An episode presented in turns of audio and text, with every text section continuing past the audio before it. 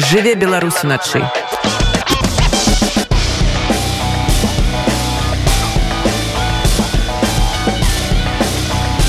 Белорусские ноцы.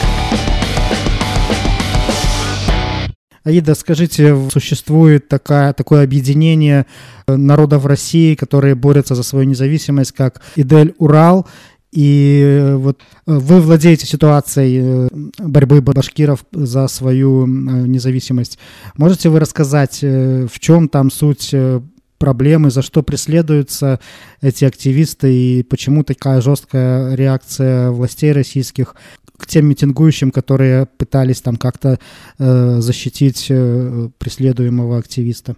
Да, действительно, у нас есть несколько организаций на данный момент, которые э, объединены для того, чтобы занимаются борьбой по освобождению своих народов и оккупированных земель э, Московской империи.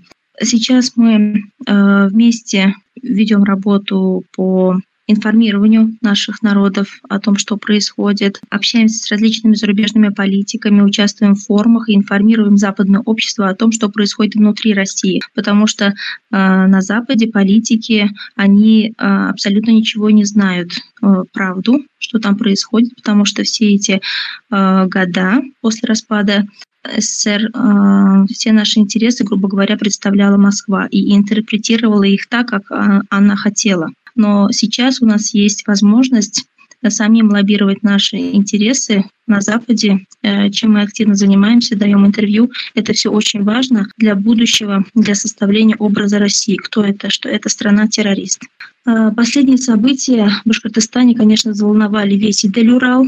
Э, я бы даже сказала, что все национальные республики в России и региональные движения. Там происходит что? Ну, это отчаянная борьба башкирского народа за восстановление справедливости, допустим, и желание отстоять одного из лидеров защиты, э, ну, активного защитника прав башкирского народа и природы в том числе. Но в очередной раз мы видим только, что судебная система России а, она показала свою всю правовластность и от, полное отсутствие правовой базы. Конкретный случай Фаиля Алсынова. Это а, был приговор, вынесенный ему вчера, за то, что народ вообще позволил себе выйти на акцию только поддержки своего соплеменника. Судья приговорил его к еще более строгому решению суда, нежели запрашивала обвинитель. А вот тысячам людей, которые вышли а, ради справедливости, было отказано даже в обычном диалоге Э, с каким-либо представителем власти. Допустим, в демократических странах даже с преступниками ведут диалоги, а в России абсолютное безразличие и игнорирование мнения народа. Ну, поскольку народ в России это для нынешней власти это всего лишь рабы, а не личности, допустим, с которыми стоит садиться за стол переговоров, а тем более прислушиваться. При таком вот режиме за репрессиями, конечно, будут следовать еще более суровые репрессии. И мы видим, э, что уже несколько активистов и лидеров задержаны э, как э, соорганизаторы митингов. То есть в дальнейшем, конечно, мы ждем репрессии. Но прекратит этот террор против населения возможно только создав собственное свободно от имперской Москвы демократическое правовое государство. А вот оставаясь в составе так называемой Российской Федерации, народы не смогут сохраниться ни как этносы, не смогут сохранить ни природу, ни защитить свои права. Ну а после ассимиляции в русском народе, конечно, нас ждет только полное исчезновение всех нерусских народов. То есть э, такая же ситуация, она во всех национальных республиках. Тут без разницы. Тут как под копирку, можно сказать. Уже сегодня прозвучали призывы э, выйти на какие-то акции, как-то показать свое мнение не только в городе, где был вынесен этот приговор, но и в столице Башкортостана, в Уфе.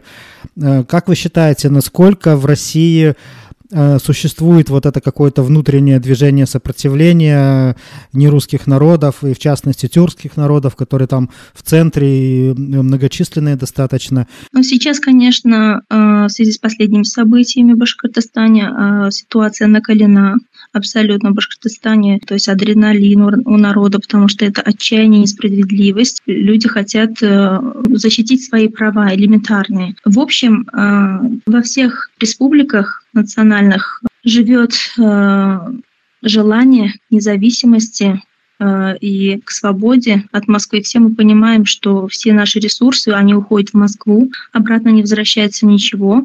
Хотя Татарстан, допустим, я представитель Татарстана, не является республикой донором. А из многих республик, выкачивая все ресурсы, их еще и обзывают, что они доноры. То есть им внушают то, что они не смогут жить без Москвы. Хотя эта Москва не сможет жить без нас.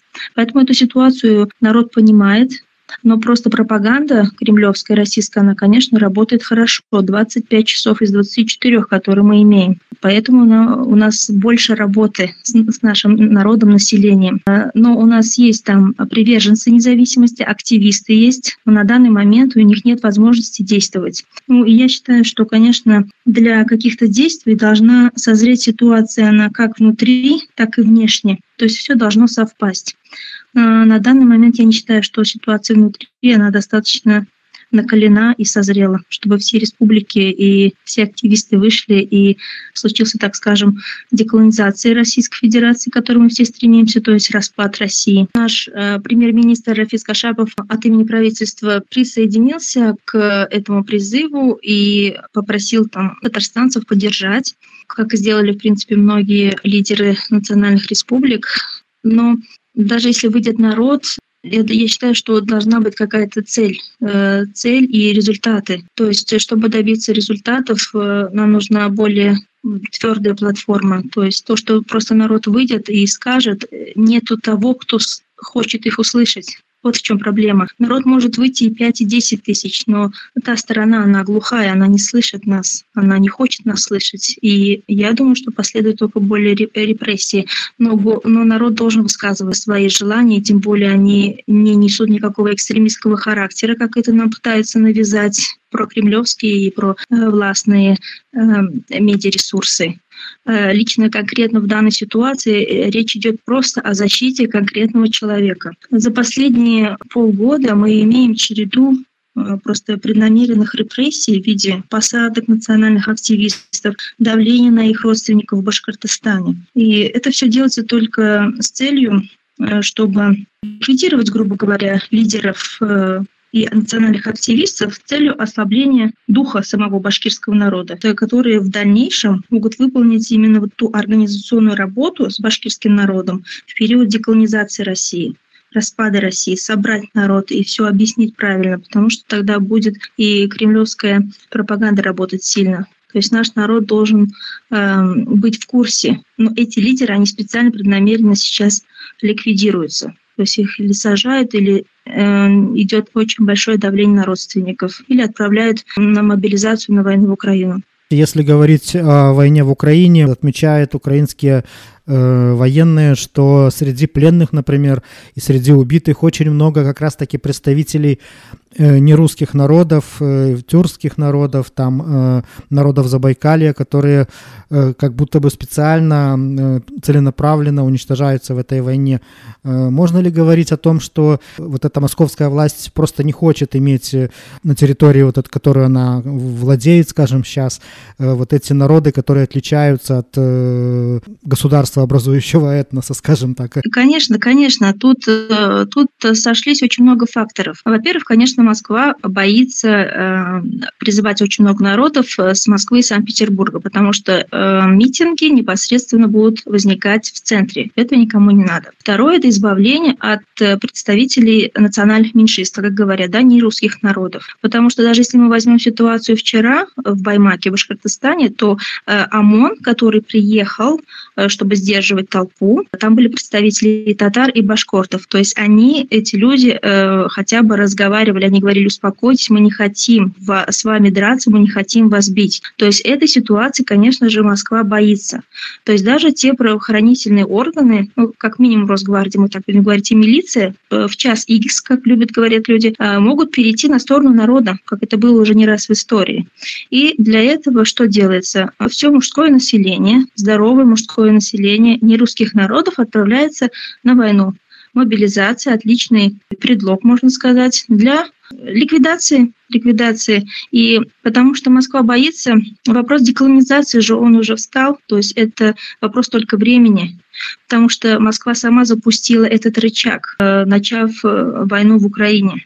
Э, то есть идет недовольство на народа, международные санкции, народ начинает жить хуже, приходят домой гробы, трупы, никому это не нравится. Все понимают, что это утопия, и это долго продолжаться не может. И мы сейчас имеем даже митинги и недовольство жен мобилизованных. То есть это тоже одна из сил, которая в будущем может стать как бы за нас, так сказать, потому что свободный Татарстан, свободный Башкортостан и любые другие республики, они не подразумевают под собой имперских войн, потому что мы не имперцы русские, мы не реваншисты, которые потом захотят снова напасть на кого-нибудь, даже если им дадут перерыв это все сложилось, и, конечно же, Москва хочет избавиться от э, нерусских народов, которые в первую очередь э, недовольны Москвой и не хотят быть в составе Российской Федерации.